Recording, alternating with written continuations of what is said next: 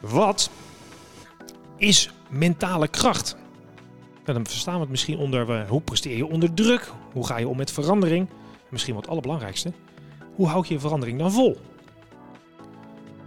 Wat leuk dat je weer luistert naar de podcast Je Geld en Of Je Leven. Mijn naam is Michiel van Vught en ik probeer telkens die twee bij elkaar te brengen. Deze podcast is mede mogelijk gemaakt door NNK Vermogensbeheer. Kijk voor informatie op nnk.nl. En wil je mij vragen stellen? Michiel van Vught, vught met vugt.com bijvoorbeeld. Ja, en mentale kracht. Nou, ik heb iemand voor me zitten. Die is, uh, wiens initialen precies hiervoor staan. Dat zag ik ook al mooi op je website. Um, ik zit in een bijzondere locatie vandaag bij Michael Kortekaas. Ja. Hallo. Hey. Ja, ik zit hier. Uh, als ik naar boven kijk, ik weet niet hoe hoog het plafond is. Uh, zes meter. Zes meter. En er hangen touwen aan. Ik, zit hier in de persoonlijke gym. Uh, tegenover mij zit een, een, misschien voor jullie ook wel bekend als je luistert naar, als je naar Hunted kijkt. Je bent een van de hunters. Klopt, ja. ja. En uh, je hebt een gym. Je bent een van de eerste crossfitters ooit in Nederland. Daar hebben we het ook net over gehad in het voorgesprek. Maar misschien aardig om te zeggen. Je hebt 12,5 jaar ervaring bij de politie en defensie. Ja. Daar bereid je het personeel voor op uh, gevechtssituaties, vaardigheden, procedures. Uh, en natuurlijk mentale veerkracht. En vanaf 2010 ben je dat helemaal zelf gaan doen in een eigen bedrijf. En richt je je nog steeds daarop. Klopt, en, ja. nou, daar gaan we het vandaag eens over hebben. Nou, heel leuk. En uh, mooi dat je me wilde interviewen. Hartstikke gaaf. Ja, en ik, toch even deze locatie. Want uh, ik, ik, zit thuis in de coronatijd. Ik had net mijn gewicht verkocht. En toen uh, kwam de tweede lockdown. Jij dacht, joh, dat gaat mij nooit gebeuren. Ik leg hier een gym aan thuis. Ja, inderdaad. We hebben, kijken, vier, vijf jaar geleden hebben wij de kans gekregen om een kavel te kopen. En ja, daar mochten wij het een keer zeggen met ons huis. Um, en een van mijn dromen, of van onze dromen was... Hè, mijn uh, vrouw Suzanne, die ken ik al vanuit het CIOS. Hè. We hebben allebei het CIOS gedaan en Sportacademie. En uh, ja, onze wereld bestaat, over, hè, bestaat uit fitheid, vitaliteit, mentale veerkracht. Dus alles wat wij in ons leven doen zit hier. En uh, ja, een gym was uh, onze droom. En de architect die heeft dat meegenomen. Ja, ja, het ziet er echt waanzinnig vet uit. Dus, nou ja. Een eigen CrossFit gym. Ja, echt vet. Ja. ja en dat vertelde je al, je was een van de eerste CrossFitters. En een maatje van jou was in Amerika en die ontdekte dat. was een Nederlander en die bracht het naar jou toe. En jij doet al sinds 2003 doe jij iets wat nu heel veel Nederlanders doen. Ja, zeker weten. Hè? Uh, Erwin van Beek, uh, daar, uh, een oud collega en vriend van mij, die, die zat inderdaad in Amerika. En dat, zo vertel ik het altijd. Ik weet natuurlijk niet precies of ik de nee, tweede crossfitter was. Het is een mooi verhaal zo. Maar dat is altijd een mooi verhaal. Hij was zeker voor mij en de eerste. Hij merkte dat op in Amerika. Uh, zat dan voor opleiding uh, Speer daar. En uh, wij belden en hij zegt, nou, ik heb nou iets gevonden. Dat gaan we de komende 20 jaar doen. En ik denk dat hij daar heel erg gelijk in heeft gehad. Het gaat nog wel langer duren zoals ja, dat. precies. en zo kwamen wij op www.crossfit.com terecht. En uh, ja, dan stond ik in de sportschool, stond ik al de burpee te springen en uh, friend te doen. Mensen keken je aan van, joh, dit gaat niet ja, goed. Die, die, is helemaal niet goed in zijn hoofd. Maar ja. jouw mentale kracht was toen al sterk genoeg om je daar niks van aan te trekken. Om maar even een brug te slaan. Ja, klopt. Want um, ja, jij bent nu veel gevraagd spreker. Ik bedoel, ga je maar googlen, je vindt allerlei filmpjes en fragmenten. Inspireert mensen over mentale veerkracht. Um, uh, en ook gewoon, ook niet alleen maar leuk, maar ook gewoon de serieuze organisaties, politie en defensie gebruiken je nog steeds, hè? Ja. Maar um, wat versta je daar zelf onder, mentale kracht? Nou, mentale kracht. Kijk, het is allereerst denk ik zo leuk om te vertellen ook hoe dat... Want je hebt het, je hebt het inderdaad heel mooi voorbereid. Hè, van, ik train de mensen op gevechtsvaardigheden, hè, procedures, schietvaardigheid, dat soort dingen allemaal. En heel snel kwamen we daarachter dat niet alleen die vaardigheden... Hè, dat kennis en kunde zo belangrijk is... maar dat het ook belangrijk is van hoe gaat het nou in het kopje om... En uh, daar heb ik heel snel heb ik daar uh, ervaring in opgedaan. Uh, niet alleen om die hard skills te trainen, maar ook om die soft skills te trainen. En in 2010 is het grootste programma ooit uitgerold binnen de nationale politie, mentale kracht. En ja, aan, dat fundament heb ik gestaan. En daar hebben we ook nog eens een keer heel expliciet gemaakt van wat is nou mentale kracht. En um, om dan daar een label aan te hangen, in jouw introductie gaf je het al aan. Um, ik leer mensen, of ik leg het altijd zo uit, dat het gaat over werken onder druk. Hè? Dus hoe doe je dat? Hoe ga je daarmee om? Omgaan met verandering. Hè? Ja, dat is altijd al belangrijk geweest. Maar nu de coronatijd heeft dat ja, natuurlijk ja. exponentieel laten groeien. En het gaat over volhouden. Dus dan doe je heel vaak op gedragsverandering. Of althans, dat wil ik daarmee uh, bereiken. En dat raakt heel vaak uh, de vitaliteitsconcepten. Ja, dat is het laatste is waarschijnlijk nog wel misschien het moeilijkste. Want ik kan me wel voorstellen dat ik denk, nou ja, weet je, ik heb zelf ook al wat over gehockeyd. Nou, je, je bereidt je voor op een wedstrijd. En je hebt best wel van die mensen die pieken eenmalig, weet je wel. Zo'n nieuwe speler bij een club, die doet een fantastische eerste wedstrijd. En uh, nou, die gaat een beetje om, maar dat zakt dan heel snel weg. Hoe, dat is misschien het allerbelangrijkste, dat je dat weet vol te houden waarschijnlijk, hè? Ja, dat klopt. Kijk, sowieso, hè. Uh, de, de sleutel ligt bijna altijd in duurzaamheid, hè. Dus hoe ja. kun je dat volhouden? En dat gaat dan niet alleen over je beweegpatroon, hè, wat 10, 20, 30, 40 jaar belangrijk is, in plaats van twee weken een beetje op je beweging letten. Ja, precies. Ja, ja. Maar dat is, gaat natuurlijk ook over druk, hè. Dus vandaar dat hè, de, de, de topatleten hè, of de mensen, de high performers uh, binnen uh, politie, defensie, maar natuurlijk ook binnen het bedrijfsleven, die langdurig uh, hoog kunnen presteren. Dus bijvoorbeeld hun focus goed kunnen doen. Dus hè, kunnen werken onder druk en met uh, veel spanning of stress om kunnen gaan. Dat is natuurlijk altijd een uh, grote sleutel. Want dan doe je namelijk dingen goed. Want dan hou je het vol. Ja. en Um, als je nou bijvoorbeeld kijkt naar um, uh, die drie nog een keer, hè, dus uh, presteren onder druk, omgaan met verandering en volhouden. Ja, ze zijn alle drie belangrijk en alle drie is voor een bepaald individu. Hè, mijn compagnon is de bekendste sportpsycholoog van Nederland, Rico Schuijers heet hij. En um, hè, dus naast mijn compagnon is het ook een van mijn leer, grote leermeesters uh, geweest. En ja, die leert al jarenlang uh, topatleten uh, werken onder druk, presteren onder druk. Hè. Dus vanuit Londen, vanuit de Olympische Spelen Rio. Ja, precies, ja. Dat zijn natuurlijk de, de grote kopstukken. Maar, en ook natuurlijk alles wat daar nog buiten valt. Ja, en voor die mensen is dat natuurlijk het belangrijkste. Juist hè, dat je dat naar dat moment toewerkt. Ja. Hè, en, maar je zult wel zien, hè, een mooi voorbeeld denk ik. Werken onder druk of presteren onder druk. Ja, Tokio is een jaar uitgesteld. Dus als je het dan hebt over omgaan met verandering. Ja, ja. Nou, hoe hou je je trainingsregime vol? Ja, nou enzovoort. Dus ja. daar, heb, daar kun je natuurlijk allerlei mentale tools op, uh, op loslaten. En elk concept heeft dan ook weer in meer of mindere mate gebruik je dan weer andere mentale tools voor om te komen tot hè, beter onder druk werken of met die verandering omgaan of dan eh, gedragsverandering uh, over vitaliteit. Zag je, want jij werkte bij Defensie en Politie, hè? daar heb je een hele lange tijd uh, opleidingstrajecten gemaakt en daar werk je ook veel met speciale eenheden. Zie je dat daar ook, is het zeg maar, kun je naast je bot fysiek daar natuurlijk heel uh, goed voor moet zijn. Maar is het te leren? Kun, kan iedereen, als je het, het programma wat je nu op tv had van Jeroen van Koningsbrugge. Ja. Kan iedereen, als hij maar fysiek sterk genoeg is, een commando worden? Of heb je echt bepaalde uh, talenten ook nodig om mentale kracht te ontwikkelen? Ja, nee, uh, zeker niet iedereen. Hè? Dus dat is, uh, je hebt gewoon ook een talent nodig. Maar is het trainbaar? Is het leerbaar? Ja, dat ook zeker. En um, uh, daar zijn wel onderzoeken naar. En het gaat zeker niet alleen maar over de, de, speciale eenheden. Maar er zijn wel onderzoeken naar. Van hoe goed kun je nou dat nou beïnvloeden. Dat zeg maar zo'n 40, 50 procent in je nature zitten, zoals we dat noemen. Hè, dat 40, 50 procent trainbaar is. En dat 10% ook door omstandigheden nog een keer wordt bepaald. Ja, ja, ja. En daar zit natuurlijk ook gewoon nog een stukje ja, in. Dat is toeval eigenlijk bijna. Nou ja, ja, toeval. Maar ook, uh, het kan heel goed zijn dat... Uh, wij hebben ook wel gezien in opleidingen... waar wij bijvoorbeeld mensen van Defensie naar politie over kregen. Ja, die hebben enorm gepresteerd binnen Defensie. Maar binnen politie lukte dan bijvoorbeeld net niet dan. Precies, ja, ja, hoe kan dat dan? Ja, het kan ook zomaar zijn dat bijvoorbeeld die omstandigheden net anders zijn. Hè? Uh, en, en, en dat iemand zich of minder goed voorbereidt... of dat hij toch last heeft van spanning of stress op dat moment. Omdat hij het net nog wat liever wil. Of omdat hij een bepaalde geschiedenis heeft waar wat achter is gebleven. Ja, het is natuurlijk. Het heeft ook met omstandigheden te maken. Maar heb je er invloed op? Is het trainbaar? Ja, zeker ook.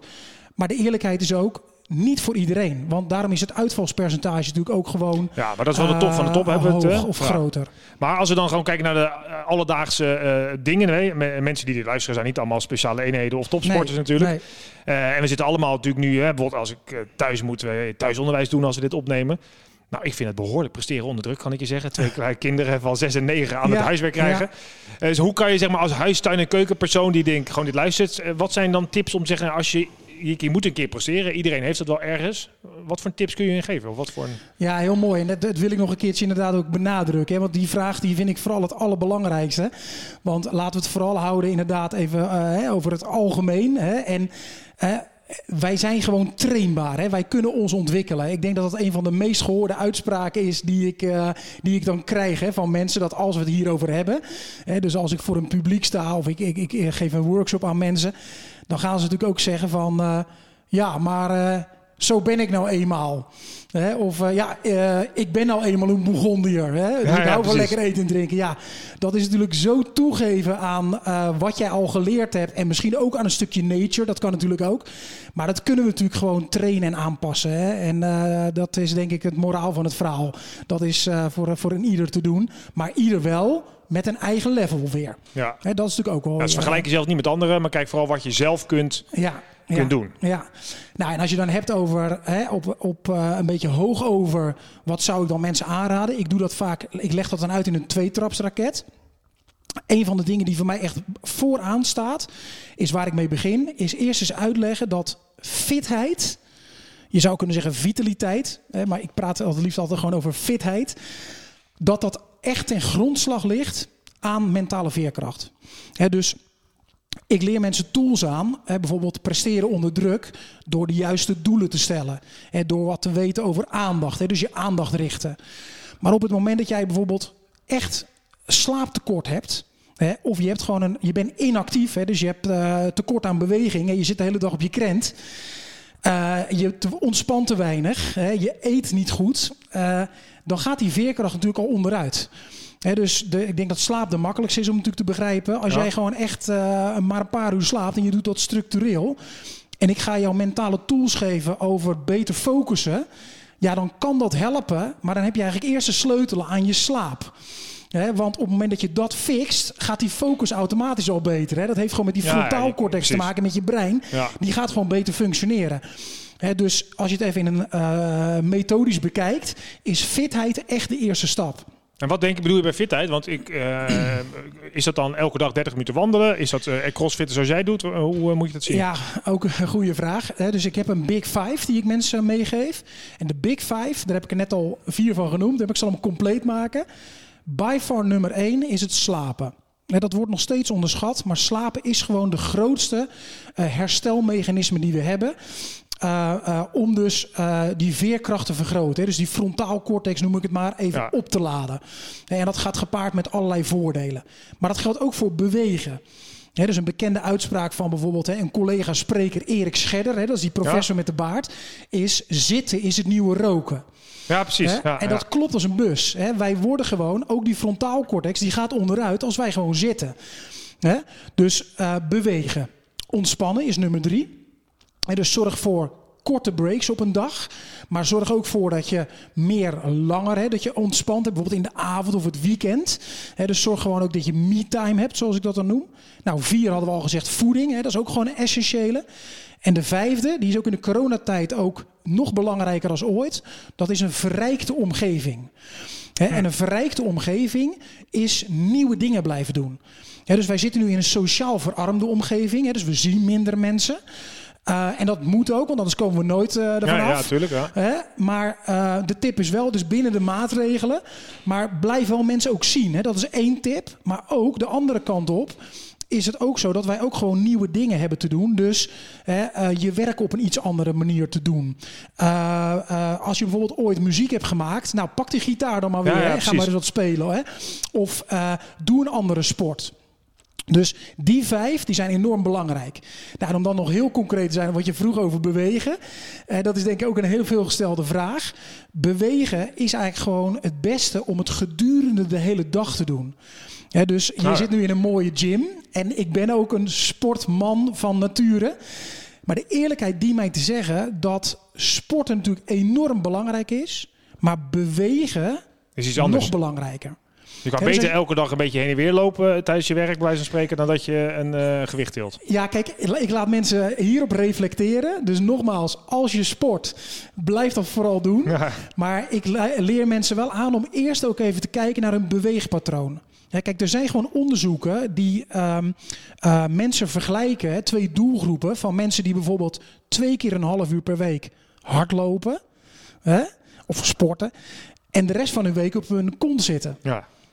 En die vergelijken ze dan met een doelgroep die van nature in hun werk actief is, maar niet sport.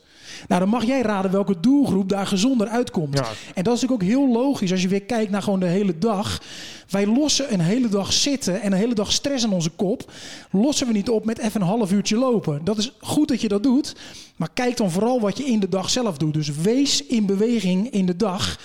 En uh, nou, laatst heeft Erik Scherder daar weer een mooie uh, wetenschap aan gekoppeld. Dat eigenlijk tegen elk 20, 25, 30 minuten zitten. Hè, je al 10 minuten, 5 tot 10 minuten in beweging moet zijn om dat te compenseren. En dus zo belangrijk is dat in beweging zijn. Het is bizar. Hè? Ik heb een, een eerdere podcast opgenomen, denk ik, nummer 15 of zo van deze serie. En dan spreek ik met Margriet Sitskoorn, die zou je ook Ja. vast bekend zijn. En die Ja. zegt ook van die werkt natuurlijk met veel met mensen die uh, onder andere hersentumoren hebben gehad. En Ja. wat doen de hersenen? En dat zei, was ook verbazingwekkend wat het precies wat je zegt, de kracht van slaap. Nou, dat wordt, hij ze zegt, ja, je hebt van die mensen zeggen, nee, maar ik kan met vijf uur slaap. Eh, hoe zeg ik dat netjes? Nou, onzin. Ja, Hè? Zou daar Ja. op houden. Dat is gewoon niet waar. Je moet echt Nee. eh, 7, 8 uur slapen is belangrijk. En het is mooi hoe jij dat ook zegt. Dat is echt iets onderschats waarschijnlijk. ja. Eh, Ja, ja, Margriet is inderdaad eh, zeker ook een bekende. Daar heb ik ook af en toe de eer eh, mee om eh, daarmee te mogen spreken. En eh, ja, dit zijn natuurlijk gewoon de grootheden Ja. van Nederland hè, op wetenschappelijk niveau. En eh, de, de thought leaders. Ehm, maar inderdaad, ik, met Margriet, eh, het bedrijf zal ik dan voor me houden, maar heb ik wel eens gestaan voor mooie eh, de managementteams.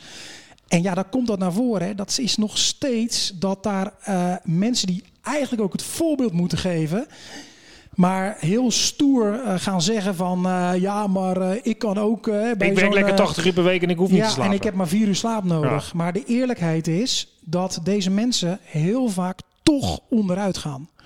Kijk, je kunt het ook nog op een andere manier benaderen. Dit is misschien ook nog een leuke.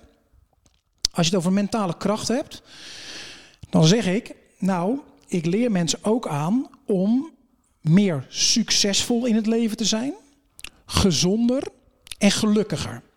Dat is een mooie drie-eenheid ook. Zeker. En dan moet ik succes even benadrukken, want succes gaat over het individu dat kampioen wordt, hè, of die een opleiding haalt. Hè, maar succes gaat vooral over, kan jij je eigen doelen nastreven? Dus dat is denk ik weer voor iedereen een belangrijke. precies, want het doel wat jij wilt. En als jij op dit moment gelukkig bent en jij bent met de- deze mate met jouw succes ben je blij, of je wil iets meer, nou kun je dat nastreven. Dat is dus eigenlijk het nastreven van succes. Alleen wat zie je dus ook bijvoorbeeld bij die echt die mensen die dat op heel hoog niveau doen en dan bijvoorbeeld met zo weinig slaap, daar zie je dat succes soms ook onderuit gaat, maar ze kunnen dat nog lang volhouden. Maar wat zie je ook heel vaak gebeuren? Ze zijn eh, in eh, de derde scheiding. Ja, precies. Ja. En eh, de gezondheid, ze hebben diabetes type 2 opgelopen ja, omdat ze niks meer gedaan hebben. Dus die drie eenheid is dan ook nog eens een keer zwaar precies. uit Ja, balans. Dus het lijkt wel alsof of je op de goede weg bent, maar ondertussen laat je andere dingen lopen. Ja. Eh, en nog even, want de tijd vliegt als een gek, Josiek. Ehm dan nog even een paar dingen. Hè, want je had, eh, we hadden het eerst over presteren onder druk. Nou, daar had je net een aantal basisvoorwaarden voor. Eh, maar dan ook de verandering. Zijn dat dezelfde componenten om goed om te gaan met die verandering? Heb je een aantal dingen genoemd, hè? die schijf van vijf of hoe je het ook noemde. Ja, die Big Five. De Big ja. Five, sorry. Ehm, zijn, dat is nodig om dan veerkrachtig te kunnen worden. Mhm. Zijn er dan nog andere big dingen of andere tips of trucs om die verandering ook te ondergaan? Want die, ja, die gebeurt toch? Kun je, Ja, dat we hebben- onvermijdelijk. Dus dat is denk ik wel een eh, mooi om deze gewoon te concretiseren.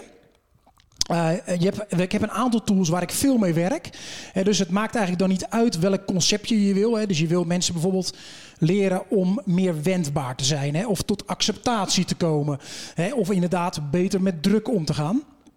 Dan zijn er eigenlijk zeg maar vijf, zes grote tools die je kunt gebruiken om daar te komen. Dat heeft te maken met doelen stellen.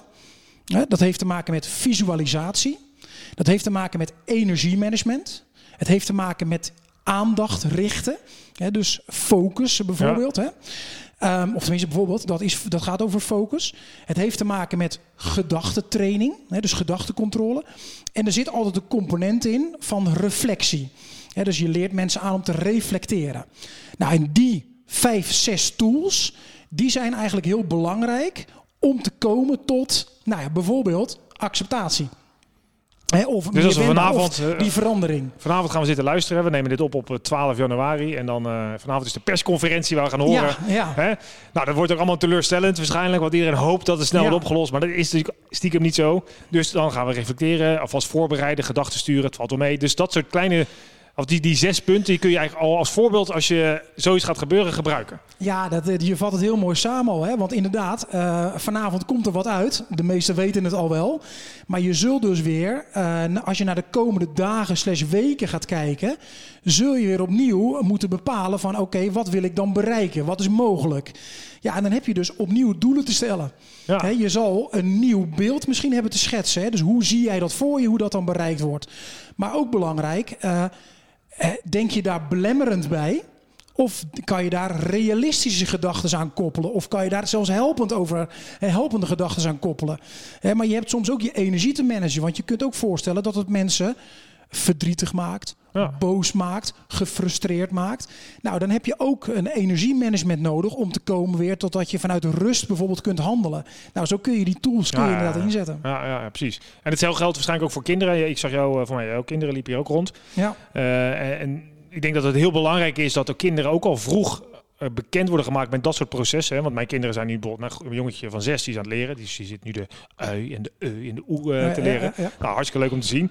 Uh, maar goed, uiteindelijk als zijn broer uh, zijn Playmobil poppetje afpakt, dan wordt hij boos. En dan dus daar zeg maar, is, geld, geld is eigenlijk voor alles. Kun je ook zeggen, joh, je eigen kinderen is altijd lastig zijn, maar als je dit toepast bij andere kinderen, is dit van alle leeftijden? Ja, um, ik denk dat ik daar. Um, um, ik ben dus, even, je zegt het al, hè, ook vader. Ik heb sportacademie gedaan. Uh, dus ik mag ook veel uh, de sportclubs. Hè. Zij sporten natuurlijk. Hè. Finn die judoot en die voetbalt. En Tess die doet hockey en, uh, en judo. En ik mag dat graag ook coachen. En ik denk dat het nog, nog zwaar onderschat wordt... hoe belangrijk het is om deze kennis ook te hebben als ouder voor bijvoorbeeld binnen sport, maar binnen opvoeding. Want eigenlijk wat ik doe op coachend gebied, ik ben helemaal geen hockeyer, maar ik kan dat heel goed coachen omdat ik verstand heb. Hè? Ik zie dingen mentaal gebeuren. Wat gebeurt er nou binnen zo'n team? Wat gebeurt er nou met die meiden van 15 die aan het hockeyen zijn, maar ook bij jongens van 10 jaar oud natuurlijk. En ik kan je vertellen dat dat vaker nog veel vaker gaat over mentale vaardigheden dan over de vaardigheid zelf. Of andersom, ja, precies, dat het bij de ouders ligt. Hè? Want ook daar kunnen natuurlijk ouders ook uh, die de, de misslaan. Want die verwachten veel te veel. Hè? Dan gaat het om de winst. En het gaat om dat uh, het zoontje of de dochter uh, presteert. En dat mag natuurlijk ook allemaal, daar gaat het niet om. Maar heel vaak liggen daar ook hele mooie uh, nou ja, samenwerking en mentale processen aan ten grondslag om zo'n team dan te smeden. En het allerbelangrijkste, dat ze met plezier van het veld afkomen. Dat, dat helpt waarschijnlijk in alle opzichten. Als je ergens precies. lol uit aan beleeft, dan... Uh, we hebben nog uh, drie tot zes, zeven minuten. En ik wil toch nog even bij het belangrijkste waar ik mee begon. Want het allerbelangrijkste, hoe houd je nou vol? Dus het is prachtig. Hè? Ik, ik zie voor me, ik ga vanmorgen, vanavond op tijd naar bed. Morgen ga ik goed eten. Ik ga lekker bewegen tijdens mijn werk. En dan ga ik reflecteren dat het allemaal wel meevalt met de crisis. Want we hebben een huis en werk. En, weet je, en zo kom ik de eerste periode wel door. Ja. Maar dan, hoe hou ik nou dit vol? Ja, ja. Je zucht? Ja, ah. nee, ja nee, ik zucht. ja, het, is, wordt natuurlijk veel gevraagd. Ja, en, dat uh, snap ik. En het is ook het lastigste wat er is. Hè. Ik ga ook gelijk zeggen dat het ook het belangrijkste wat er is. Ja, dus ik vind het ook een mooi vergelijk hè, van uh, die Willem Kortvriend. Die doet het altijd zo mooi. Hè, van hoe word ik 100? Die zegt altijd zo mooi van ja, een paar van die vitaminepilletjes slikken. Sowieso uh, kan je daar al sceptisch over zijn.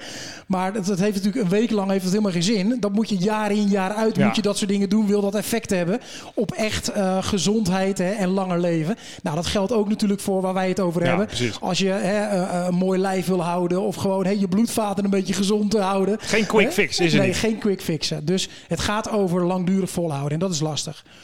Um, nou, de tool, ik heb al een aantal tools opgenoemd, dus die heb je sowieso in te zetten. Maar twee dingen kan ik hierover zeggen.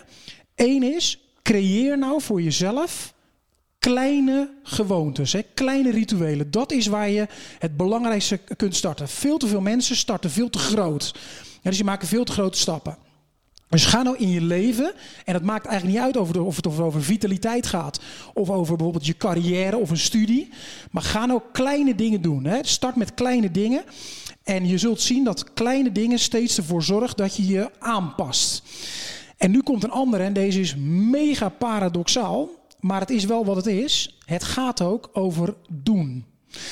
Dus um, um, heel, in heel kort, als je naar je brein kijkt, je hersenen die sturen natuurlijk jou aan. Dus jij geeft een signaal af.